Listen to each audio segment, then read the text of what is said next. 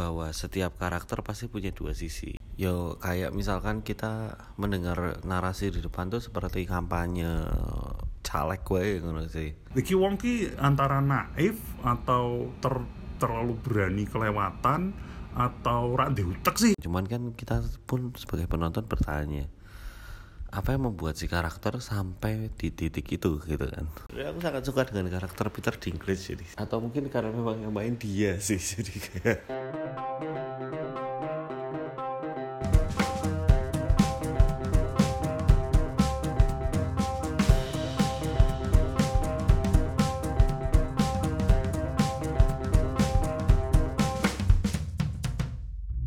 Assalamualaikum. Waalaikumsalam. Ketemu lagi di Cinema Ngoko. Dan uh, kali ini kita mau membahas film yang banyak dibicarakan teman-teman. Gitu aku sudah mulai banyak uh, ditonton sama teman-teman dan Iya, di betul. Netflix kayaknya peringkatnya lumayan tinggi. betul terutama karena Dan film ini kebetulan, eh, ah. apa diperankan oleh Rosamund Pike Betul, aku baru mau ngomong itu. Eh, dan Rosamund Pike nih terkenal dengan saat dia memerankan karakternya di Gone Girl Heeh. Wiki kayak melekat sekali ya. Maksudnya eh, karakter dia di Gone Girl itu bahkan aku melihat eh, apa jadinya di film ini pun seperti kayaknya masih ada resemblance gitu loh dari Iya, iya.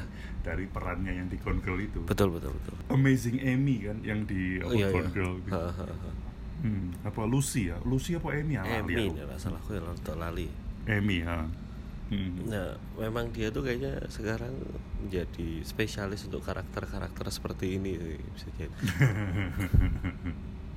tapi memang cocok sih Iya, untuk iya. untuk yang yang yang seperti ini gitu loh. Eh, tapi sebelum kita eh, apa namanya mungkin eh, membahas beberapa topik lah katakanlah ya maksudnya kejadian-kejadian atau fenomena sosial sing ono ada di film ini gitu Mhm. Eh, impresi nar piye, Tadi waktu offline kita sempat membahas wah ini kok koyo white tiger ya Iya, kalau aku impresi apa ya, impresi aftertaste-nya dulu lah. Kalau secara aftertaste sih film ini tuh lagi-lagi agak apa ya? Agak agak tersedak di belakang lah mungkin bahasanya ngono ya. hmm. Rotok Hmm. keselak ya.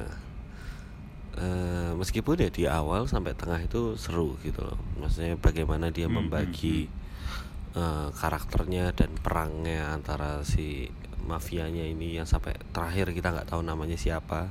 Sampai Hmm, eh, terus habis itu juga eh, apa bagaimana dia bertahan hidupnya caranya itu sebenarnya seru ditonton. Ya Cuman, ya, ya, ya. build up-nya oke ya. build up-nya oke cuman ya lagi-lagi itu sih tengah ke belakang itu itu yang ya apa agak menurutku kurang sih menurutku kurang. Sana Hmm. itu sih. Tapi overall film ini seru Kayak- ditonton kok gitu sih. kurang panjang ya? Kok kok se- seperti masa aku merasanya nonton ini seperti White Tiger. Teman-teman kalau mendengarkan episode yang sebelumnya yang kita Mhm. bahas White Tiger itu seperti kayaknya kok harus didawake sedikit lah mungkin bangsa kalau ini mungkin nggak sepanjang White Tiger kalau White Iya. Tiger kayak sepertinya kita Memang, membutuhkan kayaknya kita butuh setengah jam lagi lah untuk Kalau White Tiger ini gitu. malah- tapi kalau ini tuh kayaknya Men- menurutku harusnya di tone down sih endingnya oh kebalikannya iya, iya, dengan iya, White, iya, iya, iya. White Tiger White Tiger kita Hmm, memang hmm. kayak memang kayak ditargetkan ke sesuatu yang besar dan bombastis gitu ini Hmm, hmm, menurutku hmm, antara rasanya tuh endingnya tuh kayak si si director dan penulisnya ini tuh seperti dia punya beberapa opsi ending terus si Dani piye iki Hmm.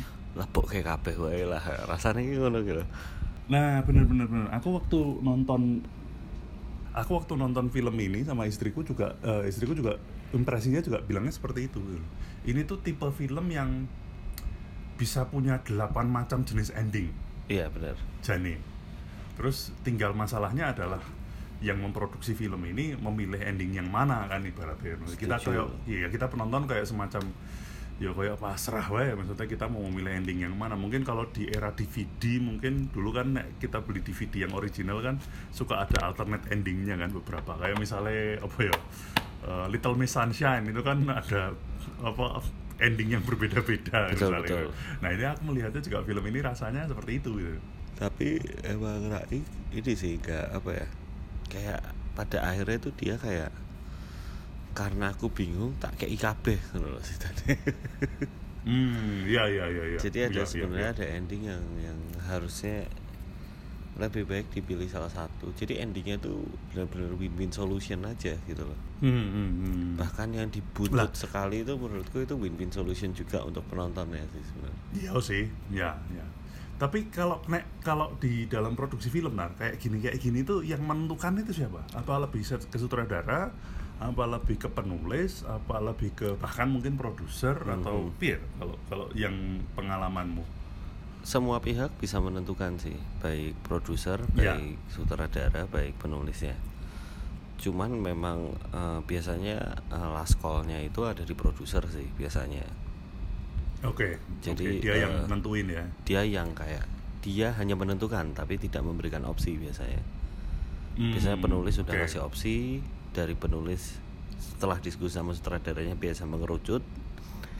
Setelah Hmm. itu dari beberapa opsi ini nek cek bingung biasanya akan di over ke produser. Cuman Hmm, hmm, hmm. biasa eh, sutradara pun tetap mengambil eh, pilihan yang apa ya ini tergantung cara main sutradaranya sih sebenarnya kalau sutradaranya udah dari awal tahu dia mau apa eh, dia bisa ke ke, ke produser sih tinggal dia permainannya Ya, dengan ya, ya. produsernya gimana Ya, ya, ya. Cuman ini ono rasa memang inggrang-inggring ini kroso ning buris ya aku Iya bener ya. Itu istilah yang paling pas ya. Inggrang-inggring ini mau ke mana gitu, mau ke sini, mau ke sana. sih gitu. gitu. Padahal kita tuh udah menonton kayak kita pasti akan dibikin akan berpihak ke salah satu sisi gitu kan. Iya, iya betul, Terus betul. habis betul, itu ke terus baru "Oh, ngono tok. betul. Benar, benar, benar. Mungkin itu istilah yang paling tepat ya untuk untuk film ini. Tapi ini kalau teman-teman eh, tapi kita berusaha untuk nggak menceritakan plotline lah ya di, iya. di di apa namanya di di Sinemangoko kali ini. Jadi cuman kita cuman bilangnya gitu aja lah. Ini endingnya rada inggrang-inggring. Kalau kemarin eh, White Tiger tuh endingnya kayak dicepat-cepat kayak gitu. Mhm. Kalau ini tuh kayak kesusu gitu. Kalau ini tuh kayak inggrang-inggring lah. Mungkin itu kayaknya ya. Mungkin ya, ya. Tapi sense yang sama gitu loh. betul betul. Tapi kalau kita eh, geser ke apa jenenge eh, cerita Ginar. Betul. Ini kan aku melihat iki kan iki, iki film sing anti hero kan. Betul betul. Nah, apa namanya? eh, Niatannya mungkin. niatannya niatannya adalah anti hero tapi kalau aku aku kemudian tertariknya membahas tentang anti hero ini sendiri gitu loh karena Mhm. eh, apa jenenge kan banyak ya film-film anti hero itu gitu loh dan Mhm. eh, dan biasanya malah film-film anti hero ini justru malah merebut simpati kita itu lebih dalam gitu loh kepada si Betul.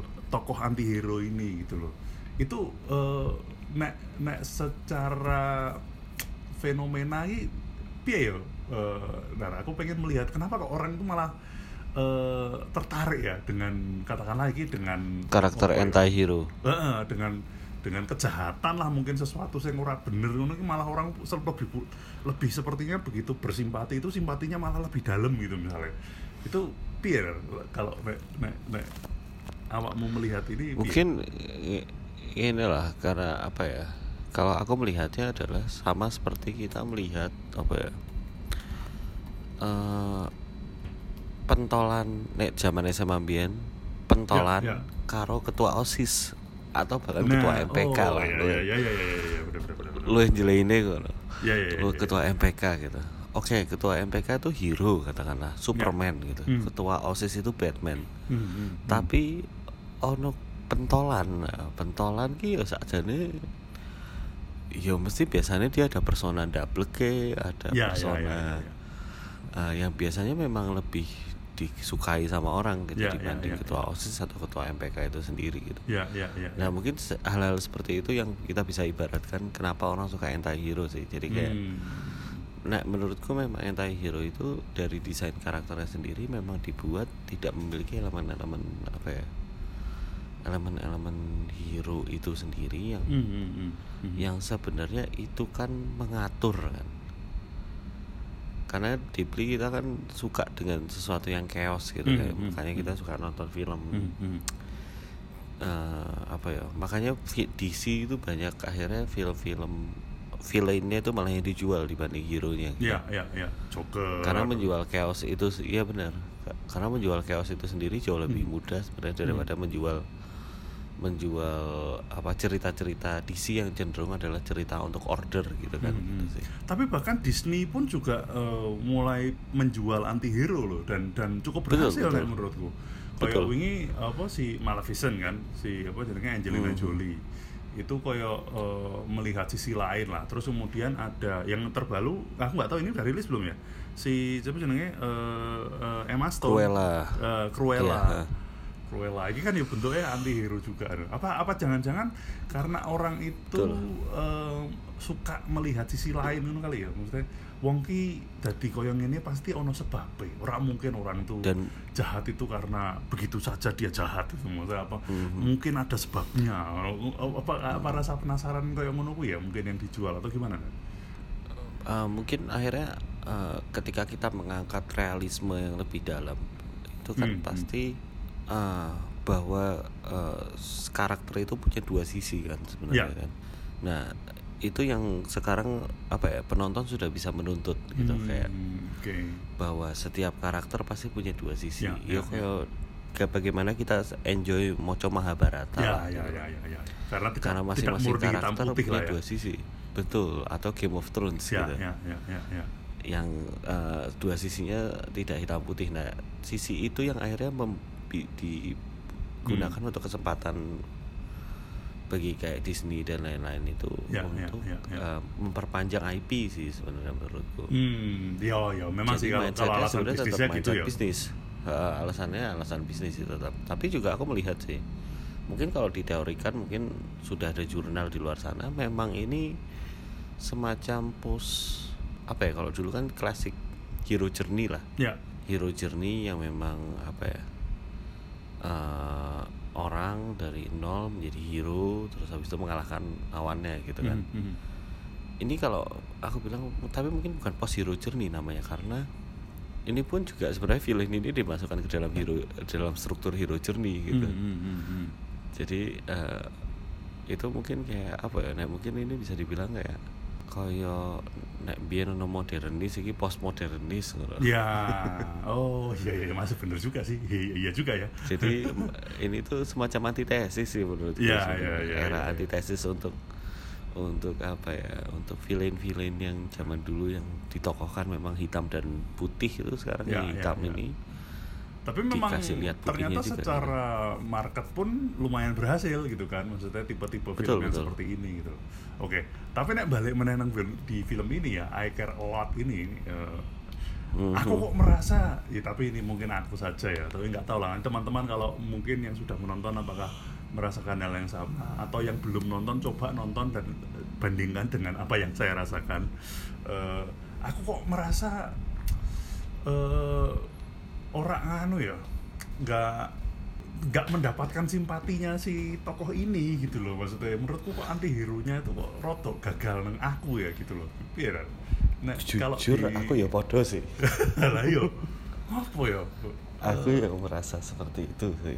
kenapa ya? Mungkin Apa ya? kalau kalau dibandingkan dengan katakanlah mungkin dengan yang lain deh misalnya. Kan Maleficent lah misalnya gitu aku tuh bisa Atau Joker ber lah. atau Joker gitu kan. Kita benar-benar orang kan sampai sampai segitunya kan sampai trending di Twitter segala macam.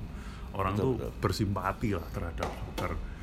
Atau mungkin yang oh, anti hero banget mungkin Walter White di Breaking Bad. Gue kan aku bisa bisa sangat bersimpati nah, aku pengen pengen pengen jago Walter White bahkan sampai ibaratnya apa ya? Walter White itu ya orang membunuh ya. Maksudnya dia membiarkan si pacarnya Jesse Pinkman ini eh, apa namanya eh, OD ora ditulungi ngono bahkan aku secara mental iki kayak membenarkan itu ngono ora apa-apa. Ibaratnya kayak ngono ya kayak ono justifikasi membela Walter White ngono. tapi nek iki kok aku kok ora ya? Maksudnya nggak nggak aku nggak bisa ya? Kok, kok entah kenapa gitu. Kalau aku bilang sih mungkin karena eh, dia itu tidak ditunjukkan sisi personalnya secara mendalam sih. hmm Maksudnya karakternya itu kita nggak kenal dia loh hmm, hmm, hmm, hmm. kita lebih kenal si siapa karakternya Peter Dinklage daripada Hmm. karakternya si siapa jenenge si Marla ini tuh kita nggak kenal kita tahu Hmm, Marla, Marla ya benar iya dia baik sama pacarnya udah Hmm. itu sih hmm. Hmm, hmm. dan dia pinter gitu jadi oh dia nggak suka ibunya oke gitu. tapi kita nggak nggak nggak apa ya Eh, mungkin penulisnya berharap dengan si karakter ini bisa sangat cerdas dan bold itu sudah cukup untuk mengambil simpati karakternya cuman kan Mhm, kita mhm. pun sebagai penonton bertanya apa yang membuat si karakter sampai di titik itu gitu kan Ya, ya, ya. Tapi bukannya itu dijelaskan di awal kita- ya. Dan kan menjelaskan tuh di awal bahwa eh, kita tuh selama ini tuh diperdaya oleh sistem orang-orang ini bisa menjadi sukses karena mereka itu menghia, apa, mengkhianati sistem atau opo segala macam. Aku kudu milih, Iya. yeah. iki lion or lamb. Misalnya itu kan sebenarnya narasi itu pun di awal sebenarnya udah dijelaskan ya. Tapi kok ku Iya, iya. seperti orang ngaruh ya. Maksudnya untuk untuk aku. itu nih. menurutku nggak ngaruh karena itu itu tergambarkan secara diplomasi Hmm. Yo kayak misalkan kita mendengar narasi di depan tuh seperti kampanye Hmm. caleg gue ngono sih Hmm, hmm, hmm, hmm. untuk mengambil hati dari pemirsanya gitu tapi kan kurang sincere kali ya betul yang kita butuhkan kan sebenarnya sisi-sisi humanis dari si karakter gitu Iya, iya, iya, iya. Ketika karakter panik ketika karakter nyemplung ke air itu respon apa yang dia respon nah. Sedangkan di karakter ini kita tidak melihat itu. Hmm, hmm, kita tidak melihat dia panik kita tidak melihat dia takut.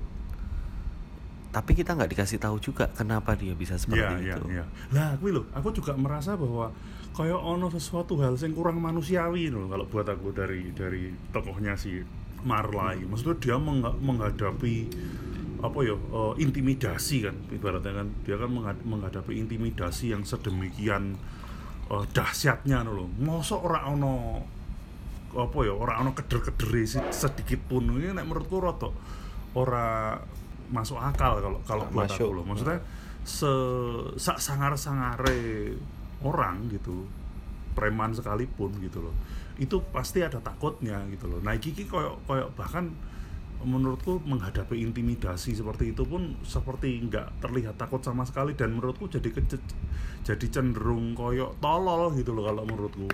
Maksudnya eh eh iki wong ki antara naif atau ter, terlalu berani kelewatan atau rak diutek sih maksudnya apa piye? Aku jadi, jadi, menangkapnya kayak ngono. Dan si pacarnya itu mungkin lebih rasional karena lebih lebih manusiawi Betul. loh aku melihatnya si apa eh, Francis ini kan pacarnya ini. Luwe luwe Iya, iya. apa ya ono ekspresi ekspresi ketakutan ono ekspresi ekspresi sing luwe logis lho maksudnya wah ki serak masuk ki wes cabut wae kayak kayak gitu kayak gitu. Cuman dan ki koyo koyo terlalu nek menurutku terlalu robot jadinya gitu loh. Eh, apa ya? Eh, benar-benar karakternya jadi kita sebagai penonton yang manusia kurang simpatik akhirnya. Iya benar benar benar bahkan benar. Vision aja lebih humanis daripada karakter ini. Aku aku belum nonton ya. Wah aku belum belum langganan nih Disney Plus nih. Belum nonton WandaVision nih. Eh, nah ya nah, menurutku sih ya itu sih kayak karakternya sendiri desainnya itu memang mungkin memang didesain untuk tidak kita simpatik sih hmm. karena apa yang dia lakukan pun itu kan maksudnya kalau kita bikin karakter film tentang anti hero deh Hmm. hmm. yang dia lakukan di depan kita akan merasa kayak wah ini orang bajingan gitu kan Hmm, hmm, hmm. tapi seiring film kita akan menerima kebajingan dan Hmm, itu hmm. sehingga kita akan memihak dia akhirnya gitu kan Hmm, kayak Walter White lah gitu Hmm, hmm, wah ki wong asu ki. Tapi suwi-suwi kok keren. Kok dia kayak live lalalala kita Hmm, jadi hmm, memihak hmm. Walter White karakter ini dari awal gue sasu gitu kan? Ya ya ya ya. Pure asu gitu. Kita belum melihat justifikasinya gitu. Ya ya ya ya.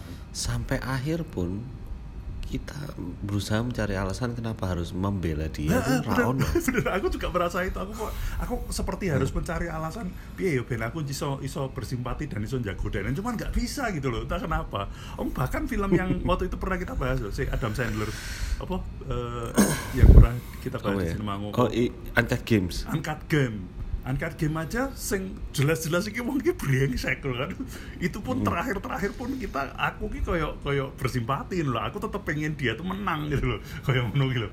Ya, ya, Bahkan kuwi jelas-jelas nek menurutku kuwi jelas brengsek-brengsek jalanan loh ini tuh sebenarnya rasanya aku sempat merasa film ini tuh kayak Uncut Games tapi versi yang lainnya aja sih Hmm. tapi nggak nggak nggak ditulis nggak se dengan secara PIY seperti Iya, Uncut iya, Games iya, sih iya. menurutku Nek, nek menurutmu berarti ha- apa namanya eh, bugnya di mana ini? Eh, apa neng cara nulisnya apa apa apa piye menurut? Kenapa kok kita merasa kalau ini seperti sih ini? ud- udah jauh ke desain karakternya itu sendiri sih Hmm, oke. desain karakternya udah bermasalah sih menurutku Ya, ya, ya, ya, ya, ya, ya. Karena tapi nah itu tadi gue makanya ya.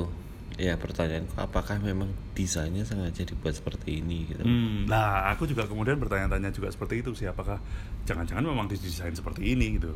Eh, ya itu sesuatu yang eh, karena kalau untuk masalah desain aku melihatnya sebenarnya film ini cukup rapi ya menyusun universe-nya gitu loh. betul Ini cukup rapi termasuk eh, beberapa pesan lah katakanlah.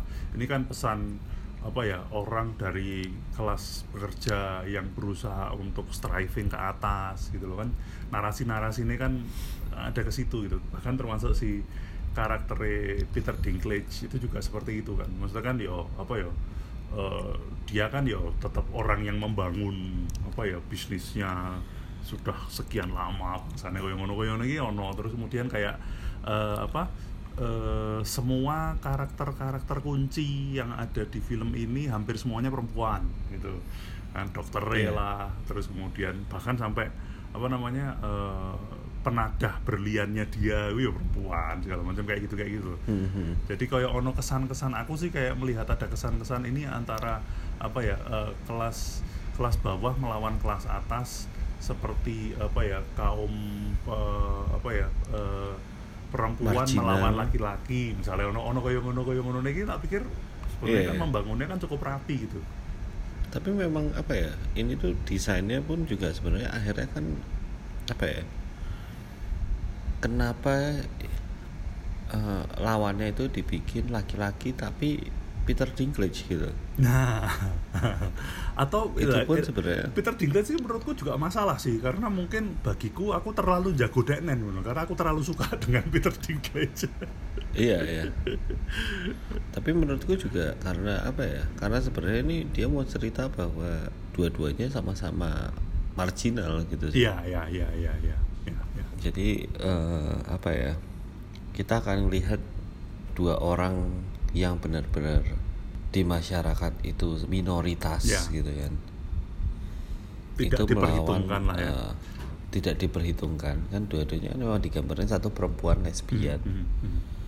dengan seorang laki-laki tapi apa eh bahasanya ini eh, cebol gitu Ya, kan ya, ya. Enggak, anu lah, eh, enggak, enggak perfect lah. Iya. heeh. Jadinya kan maksudnya ketika kita melihat itu kan kayak dia mungkin berharapnya adalah eh, dua-duanya marginal gitu, kowe main jago sopo gitu. Hmm, maksudnya. iya, iya. Tapi ternyata kan kita jelas lebih jago ke Peter Dinklage.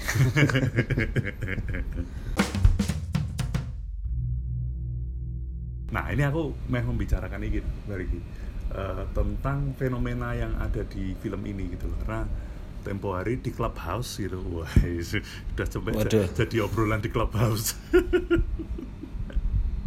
Eh, film ini tuh tentang fenomena ini banyak yang ada teman yang bertanya kepada aku gitu. Karena karena kebetulan aku tinggal di sini terus kemudian nang Amerika kan tak ya koyo ngono? Gitu loh.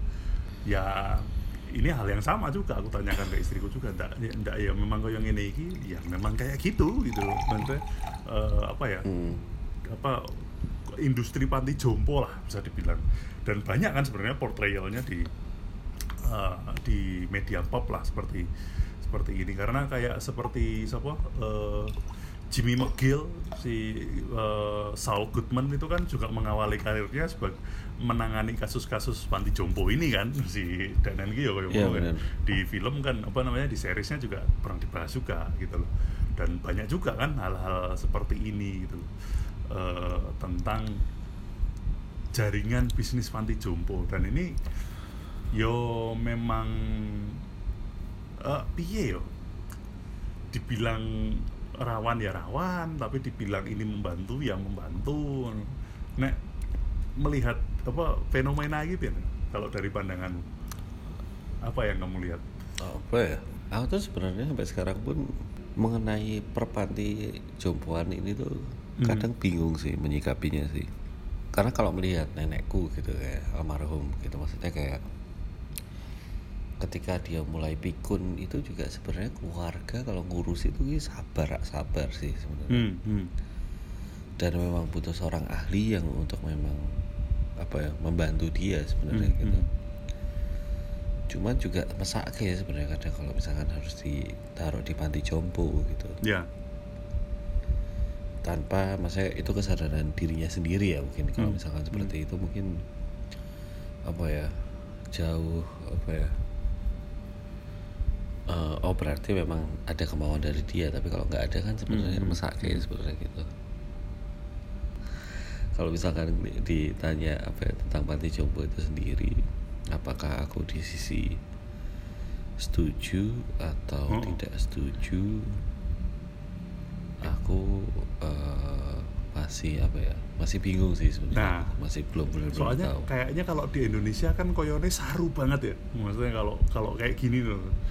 Eh, fenomena Hmm. panti jompo ini kan koyok seperti apa ya seperti mungkin karena kita mungkin karena dewong Jowo ya. Jadi kayak gini kayak gini tuh sepertinya kayak mengkhianati apa ya eh, orang tua kan kesannya kan kayak ngono walaupun Hmm. sebenarnya di di di panti jompo yang bagus yang bagus pun seperti seperti ini pun sebenarnya care-nya nomor satu gitu dan lebih cermat kan sebenarnya secara pelayanan kesehatan lah katakanlah pelayanan kesehatan kebutuhan apa segala macam itu kan sebenarnya kan lebih lengkap dan orang orang mungkin luput karena memang orang-orang yang bekerja di sana memang tugasnya hanya hanya mengerjakan itu. Sedangkan kalau kita sendiri yang care di rumah mungkin bisa jadi ada luputnya gitu loh.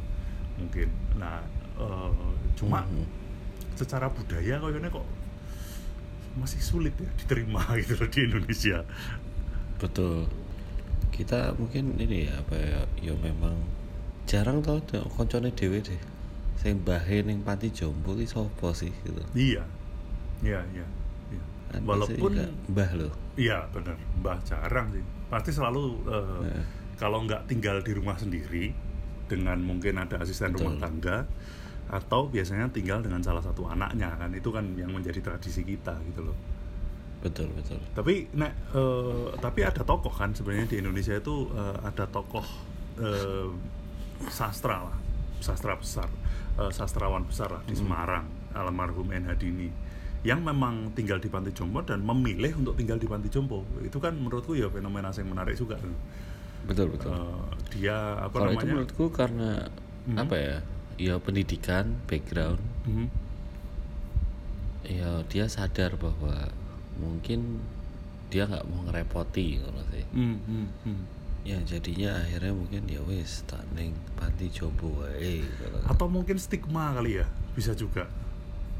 Stigma bahwa yang kita lihat di panti jompo itu adalah orang tua orang tua yang tidak punya sanak saudara, misalnya kayak ngono ya Terus orang tua orang tua yang mungkin berkebutuhan khusus mungkin atau Hmm. orang tua orang tua yang mungkin eh, terlantar misalnya kayak ngono. Sehingga terus kemudian Mhm. stigma itu naik nenggone di masyarakat kita adalah eh, men- me- katakanlah kalau misalnya orang tua tinggal di panti jompo terus kemudian seperti gue kok mau menelantarkan orang tua? Kesannya kan seperti itu kan. Iya iya benar benar benar. Tapi kalau pertanyaannya Tapi tak balik aku-. Piye, piye, piye? aku aku udah bebek ngomong karena sing mau buat aku kayak sih. Kayaknya sama yang mau di- yang mau kita tanyakan sepertinya Ah. sama. Apa bang Goran? adalah nek aku. Nah sesok tua itu nek aku personal sih sebenarnya aku tidak bisa membayangkan aku neng rumah jompo sih kenapa? Nek aku iki ya, ini impian masa tuaku ki aku tetap makaryo sih. Nah. Tetap kerja gitu. Hmm. jadi eh, sebisa mungkin yo aku tetap di lingkungan yang memang bisa membuatku tetap aktif sih. Hmm, hmm. Tapi kalau misalkan eh, maksudnya pantai jom panti jompo itu memang ada panti jompo yang memang mengizinkan aku untuk tetap bisa berkarya sih mungkin aku neng kono tidak masalah Hmm, gitu hmm, hmm. soalnya aku sih ya impianku sih ya insya Allah paling sehat sih ya maksudnya rak nganti pikun pikun amat sih Ya. yo nek tua sih yo tetap pengennya yo mati nih yo cek rak ngerepoti wong cek tapi nek nganti ngerepoti wong yo memang yo aku paham sih nek aku sih Ya, ya, ya. Kurang lebih sama sih, Nan. Aku juga berpikir hal yang sama ketika non- nonton film ini. Terus kemudian yang terpikir di yang yang yang muncul di pikiranku itu terus kemudian adalah sebisa mungkin mungkin dengan dengan kemam- kemampuan dan sumber daya yang aku miliki kayaknya kok aku ra pengen pensiun ya. Wis pokoknya piye carane lah. Tapi iki aku jadi ingat eh, satu kejadian lah di satu scene lah di apa namanya di film ini. Itu tentang perlakuan bagaimana bahwa orang itu diperlakukan khusus maksudnya gini ternyata ki iso dirancang. Kita kalau mau membuat orang itu pikun maka itu bisa dikasih obat. Heeh, di dan kita cukup perlakukan dia seperti orang pikun sehingga terus kemudian nanti reaksi dia akan seperti orang pikun kayak gitu. Nah ini kan nggone salah satu scene di film ini kan ada juga. Nah ini aku mengingatkanku pada iki. Aku dulu pernah nonton serial, tapi serial zaman dulu sih eh, tahun 90-an. Serial Chicago Hope itu serial apa tentang tentang apa rumah sakit. Dulu kan serial tentang film eh tentang rumah sakit ki ada dua. Chicago Hope yang gede ya, Chicago Hope sama IR. Aha. Nek IR ki luwih action karena oh di apa emergency room, nek Chicago Hope ki luwih sing luwih politis, luwih drama ngono. Aku nonton dua-duanya. Nah, di salah satu episode Chicago Hope kuwi eh, dokter di Chicago Hope itu ma- ma- dia mau melakukan riset terhadap eh, orang gila di dalam di dalam rumah sakit jiwa. Lah ben risete kuwi akurat, dia terus kemudian menyamar untuk menjadi pasien untuk masuk ke dalam rumah sakit jiwa itu. Lah ben luwih realistis Hmm. dia itu meminta izin pada coro-corone Depkes lah. Dan Depkes itu memberikan izin dan yang tahu kalau dia itu adalah pasien eh, dia itu adalah dokter yang melakukan riset yang tahu itu cuman kepala rumah sakit jiwanya tok. Selain itu nggak ada yang tahu. Sehingga dia masuk lah gitu loh masuk sebagai pasien rumah sakit jiwa di situ untuk meneliti. Jadi perlakuan eh, orang terhadap orang rumah eh, apa pasien rumah sakit jiwa ini perlakuannya kayak ngopo sih gitu apakah medik apa obatnya iki bener apa ora segala macam kayak ngono kayak ngono kuwi. sampai terus kemudian terjadi satu eh, musibah. Musibahnya adalah kepala rumah sakit jiwa to serangan jantung sehingga terus kemudian sehingga terus kemudian Ra Ono nang kantor. Di saat yang sama ketika dia itu eh, sudah merasa bahwa datanya wis cukup. Dia pengen eh, keluar Oke. dari rumah sakit jiwa. Kemudian nah terus kemudian dia kan meng, eh, ono lah caranya waktu itu kayaknya dia mengirim surat atau mengirim kode atau apa terhadap kepala rumah sakit jiwanya ini gitu loh. Lah mengirim kode ini ra iso karena oh, yang bersangkutan serangan jantung mlebu rumah sakit masuk ICU gitu. Kemudian dia kemudian stres kan. Waduh ki piye carane gitu. Loh terus kemudian akhirnya dia mulai ber apa ya mulai bersikap eh, kan golek aku ki dokter aku ki aku ini dokter aku itu riset di sini aku lah karena dianggap dia karena dianggap orang gila terus kemudian ya diperlakukan seperti orang gila digebuk lah dijiret lah di- kemudian dibius lah apa segala macam. Yang membuat dia kemudian menjadi delusional. Akhirnya tangi ngoceh segala macam terus kemudian ini saya saya aku tuh nggak bisa aku tuh harus menjelaskan sesuatu. Dan orang gila yang lain pun juga perlakuan apa kelakuannya ya kayak ngono. Jadi itu episode itu aku nggak pernah lupa karena karena ya dan mirip dengan kondisi yang nunggu di film ini. Kayak eh, ya kalau kamu peng, ka- kamu memperlakukan sese- seseorang itu seperti orang gila ya maka dia akan terlihat seperti orang gila gitu. Ini kan? Apa ya? Makanya eh, penting sekali buat kita untuk memperlakukan orang tidak eh, secara objektif loh. Maksudnya jangan jangan memperlakukan Betul, dia seperti orang gila karena yo dia akan menjadi orang gila di mata kita walaupun burung mesti dia itu orang gila ibaratnya. Atau orang pikun juga mungkin seperti itu yo. Ternyata semudah itu eh, apa namanya memperlakukan orang. Yang sebenarnya apa ya yo memang apa ya sugesti Mhm. Jadi, seperti kita menuduh orang Ya. maling. Kalau kita sudah judgmental Iya, iya. dari awal oh ini pasti maling. Ya, gitu maka segala sesuatu yang dia lakukan seperti perilaku maling di mata kita. Walaupun burung mesti dia ini maling. Jadi kan akeh kan maksudnya kasus-kasus yang seperti ini. Kayak orang itu eh, apa ya kasus salah tangkap lah. Yang terus kemudian akhirnya dia terfonis bersalah. Ternyata bukan karena dia benar-benar bersalah karena dia dikondisikan dalam tahanan itu diperlakukan seperti orang bersalah. Sehingga terus kemudian akhirnya dan ki wes lah daripada anu wes aku ngaku ae lah walaupun aku sebenarnya tidak melakukan kan koyo ngono koyo ngono kan yo banyak terjadi kan sebenarnya karena lebih ke perlakuan Iya, kita benar-benar. terhadap jadi dewe wis ngecat sik gitu. nah ini ternyata nenggone eh, secara psikis pun kayak gitu gitu loh ya, ya, ya. dan memang menarik sih soalnya apa ya aku kayak pesak kayak banget loh ibu pas terakhir-terakhir gitu loh pas ending gitu hmm. Maksudnya bentukannya kayak memang digambarkan awal pas awal banget sih seger ke belakang beda kan ke belakang kondisinya Heeh, kondisinya beda gitu. ya memang iki sih pasti pengaruh sih Oke, eh, terakhir yang sangat menarik mungkin yang sepertinya memang harus kita bahas juga tentang film ini adalah bagaimana sistem hukum ini ngeri ya. Kalau di negara yang sudah temoto, ternyata yang segala sesuatunya udah diatur secara rapi oleh hukum. Ternyata ketika ketemu loophole-nya itu tuh iso semengerikan ini gitu loh. Jadi persoalan hukum Makanya ini iso repot gitu. iya sebenarnya pertanyaanku pertama ke tadi aku nonton sama istriku juga aku bilangnya adalah ini kan berarti bukan scam Bukan, bukan.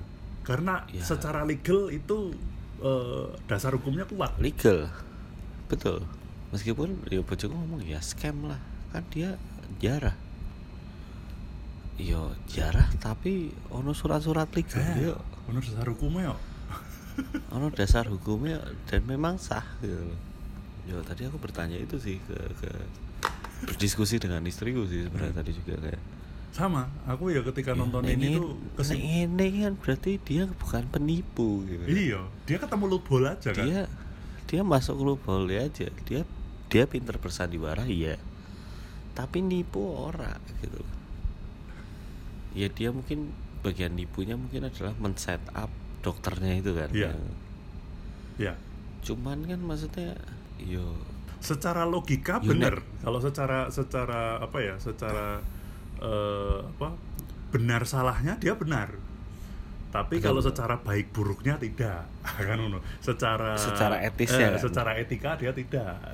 Secara logika dia Betul. benar, tapi ada secara etika lah itu mungkin yang harus dipertanyakan. betul betul betul. Aku nonton iki karo bojoku ya eh, setelah nonton film ini pelajaran apa yang bisa kita ambil dari film ini? Berarti pelajarannya adalah either kita nanti harus punya lawyer yang bagus satu atau yang kedua kalau kita punya anak itu minimal paling tidak dia harus ngerti hukum atau kalau perlu dia jadi lawyer sekalian Iya sih. Apalagi kalau di Amerika. lah gue dan ini mengingatkanku pada film Marriage Story yang pernah kita bahas tempo hari gitu Betul. bahwa urusan hukum ki so dadi ruwet banget gitu loh maksudnya iki. bener. maksudnya kayak ke Marriage Story teman-teman kalau mau mendengarkan episode yang Marriage Story kita membahas tentang ruwetnya urusan hukum tentang masalah perceraian di Amerika Episode pertama gue kan. episode pertama ya kalau nggak salah ya aku lupa Ora ya? Eh. itu oh ora toh Black Lives Matter toh yang pertama Eh, The Five Blood Oh, kalau nggak iya. salah yang kedua atau apa kedua atau ketiga aku lupa deh mau cerai baik-baik aja loh jadi tidak baik hanya karena gara-gara ter- urusan hukumnya jadi tercampur baur lah iki, iki urusan iki, iki mengerikan gitu. Ya aku sih melihatnya itu kayak apa ya? Apa mending koyo sing ning Indonesia sing hukum ki iso dicincai apa mending koyo ngene rasanya. nek ning Indonesia kan ini kan bisa dicincai to ya, Pak nih Pak selipit 200 sewu ngono bar kan. Nah Masa ini. ketahuan toh. Memang sih memang sih. Ada ada sisi-sisi itunya gitu loh bahwa yo eh, kalau aku ngelihatnya sih kemudian tetap aku menyimpulkannya adalah ya kita harus menguasai medan sih. Di mana pun kita berada ya bagaimana sistem hukum yang berlaku itu kita harus pintar-pintar untuk memposisikan diri sih walaupun nang Indonesia ngarakku koyong ini koyong ini iki tetap terjadi ya. Tapi biasanya urusan waris biasanya kan. Nggak sampai Iya, scam sampai segini gininya gitu loh kan. Eh, kayak urusan perceraian artis harta kuno gini segala macam kayak ngono itu kan kurang lebih terjadi juga lah di Indonesia. Nah, dan kalau sistem hukumnya tidak dirapikan dan tidak menggunakan eh, hanya menggunakan logika hukum saja tapi tidak menggunakan etika. Yo ngarakku Indonesia lama-lama akan begini juga. Kita wat, pat- patut pa- waspada. Mungkin di generasi nanti waktu kita sudah tua bisa saja kayak begini. Ya nggak tahu ya.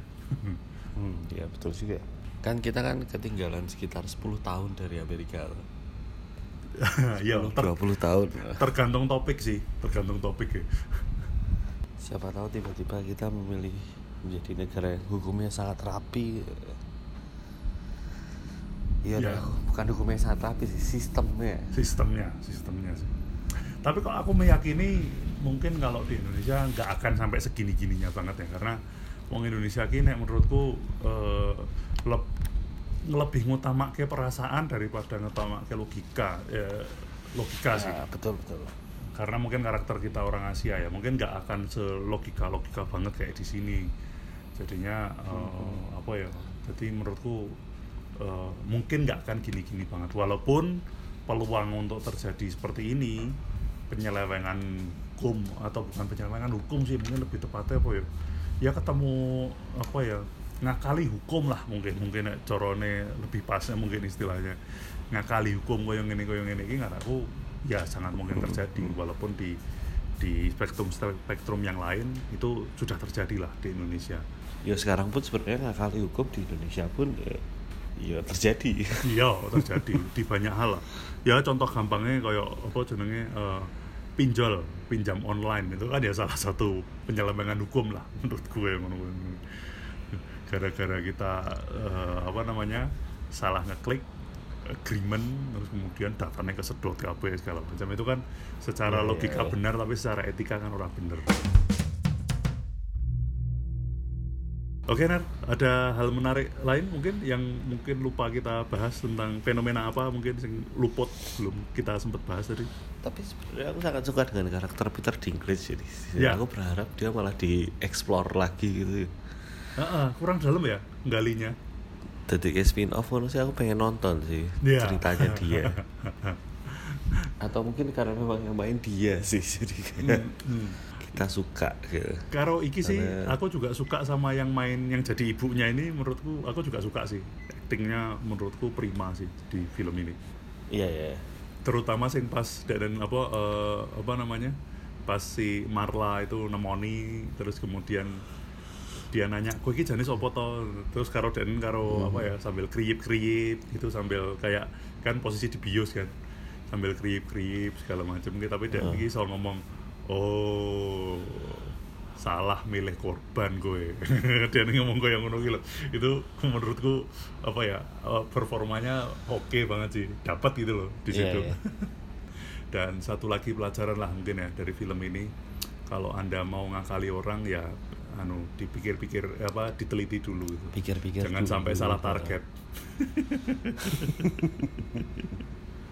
Oke, kalau gitu mungkin uh, Oke. sudah cukup uh, panjang kita bahas beberapa fenomena yang ada di film Betul, ini. betul, betul. Teman-teman silahkan nonton aja filmnya. Kalau menurutku sangat tetap sangat menarik dan sangat seru sebenarnya untuk ditonton. Ya, yang Mhm, tadi kita mhm. bilang itu pendapat pribadi kita lah. Mungkin belum tentu juga teman-teman Mhm. berpendapat hal yang sama. Monggo silakan nonton. Nanti kalau uh, ada pendapat nanti DM salah satu dari kita aja nanti kita ngobrol-ngobrol lewat DM. Oke? boleh boleh boleh Ya, eh, kalau gitu tak Oke. cukupkan dulu episode kali ini. Terima kasih Bung Nara atas siap. waktunya. thank you. Hmm. dan apa eh, semoga sehat-sehat terus ya. Piye jatah vaksin kapan? Saya masih udah. Ibu udah. Eh, anu ya karena wa- wa- usia lanjut ya. Udah ya. Ibuku usia belum? lanjut. Ibu adik udah. Oh ya adik kan adik karena dokter. Oh karena ini karena karena tenaga kesehatan. Eh, betul. Eh, aku di sini belum Bu. Eh, istriku juga belum bahkan. Jadi kayaknya aku kayak kayak ketok carry dewe ya. Ya semoga semuanya tetap sehat-sehat saja dan eh, vaksinnya Betul. lancar sehingga eh, kondisi bisa semakin kondusif dan kita bisa rekaman sinema ngokonya langsung gitu nggak lewat online nah lagi. ya aku sih lagi berharapnya kantorku mau bayari sih. Oh amin amin. Jadi kalau ada orang kantor yang mendengarkan eh, Ya, ya, ya, tolong ya. Eh, vaksin tolong. gotong royongnya di ACC Nah, itu loh. Oke, kalau gitu. Oke, eh, sampai ketemu Iya. di episode Sinema Ngoko selanjutnya. Eh, terima kasih sudah Oke. mendengarkan. Wassalamualaikum warahmatullahi wabarakatuh. Waalaikumsalam warahmatullahi